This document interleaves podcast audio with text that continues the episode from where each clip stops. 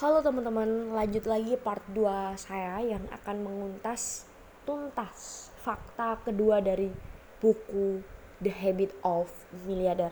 Ini fakta kedua, yaitu miliarder selalu berpikiran besar, namun sedangkan kebanyakan orang berpikiran kecil. So, orang sukses adalah orang yang berpikir besar. Meskipun usahanya ini masih kecil, jadi dia tetap optimis bahwasanya nanti usahanya akan berkembang. Inilah adalah slogan yang dianut oleh seorang miliarder saat memulai usahanya. Nggak apa-apa kecil dulu nih, yang penting nantinya berkembang seperti itu. Nah, slogan ini tuh mengandung sebuah keyakinan atau afirmasi diri mereka, semangat mereka serta kepercayaan diri dan yang paling penting adalah menegaskan adanya kemauan keras untuk mengelola dan membesarkan usaha mereka dengan pemikiran yang jauh ke depan. Jadi dia pikirannya intinya harus maju nih, harus caranya bagaimana untuk berkembang usaha ini. Seperti itu. Sementara nih orang-orang biasa itu merasa dirinya kecil dengan usaha yang dilakukan sehingga itu sering kali merasa kurang percaya diri. Jadi nggak pede. Akibat ini mereka tidak bisa sepenuh hati saat mengerjakan dan promosi produk. Ini pengalaman saya pada saat saya menjadi SPG di salah satu produk bahan makanan. Di mana saya ragu untuk menawarkan produk. Dan itu bagaimana orang bisa percaya ya kalau saya sendiri ragu. Namun lambat laun saya mengubah cara berpikir saya, cara pandang saya, cara bicara saya, bagaimana saya bicara aja udah yakin gitu saya bicara yakin dan menjelaskan yakin sehingga orang itu percaya dan yakin kepada kita dan untuk membeli produk yang kita tawarkan tersebut. Ini contoh ringan dari pengalaman saya. Orang biasa selalu ragu, minder teman-teman. Jadi ragu, minder itu seharusnya harus dihilangkan ya dari kita kalau mau usaha atau kita apa pun itu kita jangan minder, jangan ragu. Intinya percaya diri, optimisme. Dan ingat, Tuhan itu tidak akan memberikan jauh lebih kecil dari pemikiran kita, seperti itu. Dan orang biasa ini diliputi berbagai perasaan, teman-teman, yang secara sengaja maupun tidak akhirnya itu menghambat usaha mereka jadi dia ketakutan saya kalau mau ada promosi kayak gini laku nggak ya? Contohnya seperti itu. Kalau saya mengubah cara jualan saya seperti ini laku nggak ya? Gitu. Jadi pengusaha saja ragu dia dengan produk yang dikembangkan. Bagaimana ke calon konsumen itu tersebut kan teman-teman? Percaya bahwa produk yang ditawarkan kepadanya itu benar-benar bagus dan layak konsumsi. Jadi intinya kamu harus percaya diri gitu bahwa produk kamu yang kamu bawa ini itu bagus dan layak untuk dikonsumsi.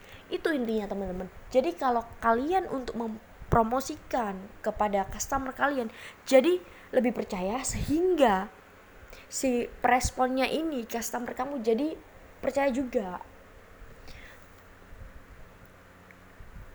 Dan miliarder itu memahami cara mengembangkan gagasan atau berpikir ya teman-teman.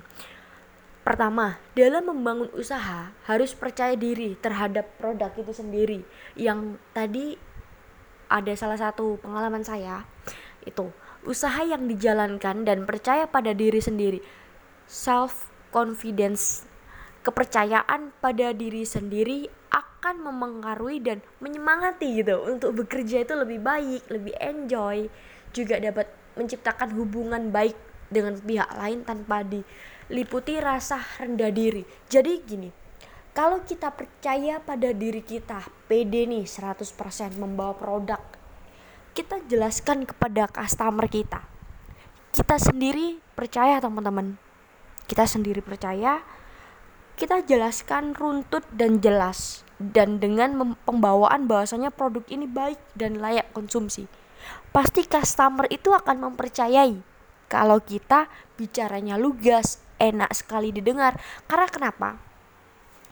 Hakikatnya orang kembali beli ke kita. Itu pasti ada problem yang ingin dia tutupi dari masalah itu sendiri. Jadi orang itu beli pasti ada masalah. Contoh dia beli bensin. Berarti dia ada masalah dengan kendaraannya sehingga kalau tidak ada bensin nih pasti mati kendaraan itu. Tidak bisa bergerak contoh seperti itu permasalahannya untuk konsumen kan. Jadi bagaimana untuk meyakinkan contoh nih seal seal itu uh, penjual bensin atau Pertamina ya baru kayak bukan milik negara sih itu swasta. Di mana sel itu mahal tapi kualitasnya bagus dan juga nggak kalah sama pertama dan pelayanan juga bagus. Jadi dia terus mengembang mengencarkan diri sampai uh, saya pernah melihat di kota saya di Surabaya itu sale di salah satu daerah saya tuh sepi.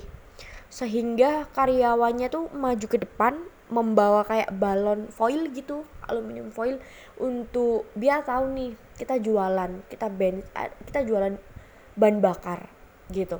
Sampai seperti itunya. Jadi uh, pemasaran diri terhadap produk itu juga perlu ya teman-teman. Jadi itulah contoh percaya diri dulu nih jadi bagaimana nih strateginya bagaimana untuk usaha kita berkembang dan jangankan berkembang dikenal orang dulu gitu so itu pemikiran seorang miliarder. Kita lanjut ke halaman kedua. Dalam pengembangan usaha harus mampu menjaga, menjaga komitmen. Jadi seorang miliarder itu sangat menjaga komitmennya mereka. Bahan harus bagus. Yang pertama, biar apa? Customer tidak kecewa, teman-teman. Kedua, pelayanan orang itu kadang suka dengan pelayanan contoh nih di SPBU sekarang itu antri ya karena dengan mahalnya bahan bakar pertalit pertama yang mahal. Sekarang orang-orang gen, e, beralih nih ke sil. Sil itu lumayan mahal dikit lah. Tapi pelayanannya dia tidak terlalu antri. Orang beda seribu pelayan tidak antri pada saat dia buru-buru pasti beli.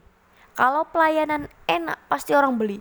Contoh nih Indomaret Alfa itu dulu tuh kalau di toko kelontong dia mungkin beda jauh harganya. Selisih hampir 2000-an tapi kenapa orang kok kembali lagi repeat order kepada Alfa Indomaret sorry ya saya bahas pro, saya bahas label perusahaan.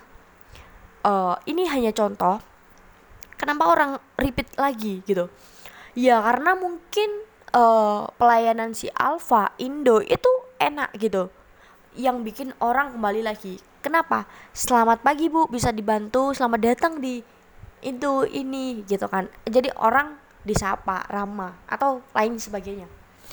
Itu pelayanan itu condong kalau dikerucutkan lagi sangat mempengaruhi teman-teman. Dengan demikian akan muncul terus atau kepercayaan suatu customer. Jadi jadi produk kamu bagus nih gitu. Jadi uh, customer itu percaya terhadap kamu. Jadi dia bisa repeat order lagi so. Dan seorang miliarder itu sangat jeli dengan angka. Ada kata-kata seperti ini kalau kamu uh, mau usaha kamu harus membaca angka. Sesulit apa pun angka kamu harus bisa memahami angka tersebut. Yang dimaksud angka itu adalah rugi dan untung kalian. Jadi cash flow. Intinya dari usaha itu cash flow. Kalian harus memahami angka dulu sebelum usaha. Karena cash flow dalam perusahaan itu sangat diperlukan teman-teman. Jadi kalau cash flow anda buruk otomatis usaha Anda boncos. Seperti itu. Ya, ada salah satu selalu mengasah kemampuan nih. Jadi miliarder itu selalu mengasah kemampuan dia, mengupgrade diri dan mengupgrade usaha mereka jadi agar terus tumbuh. Eh, ini mengikuti jangka panjang dari suatu uh, orang sukses kebanyakan dia mengupgrade diri mereka. Dia selalu melihat suatu kondisi yang ada sebagian peluang nih ini bagaimana nih ini ada peluang jadi seorang miliarder itu selalu melihat peluang op opportunity mereka miliarder itu tidak pernah mengeluh terhadap sesulit apa pun keadaan yang dia hadapi. Sebaliknya, ia akan mencari dan menyiasati dan mencari solusi dari keadaan tersebut. Jadi intinya kalian jangan putus asa ya. Semua tuh setiap masalah pasti ada jalannya. So, sampai di sini kita lanjut fakta ketiga di part selanjutnya. Salam sukses, semangat terus. Terima kasih.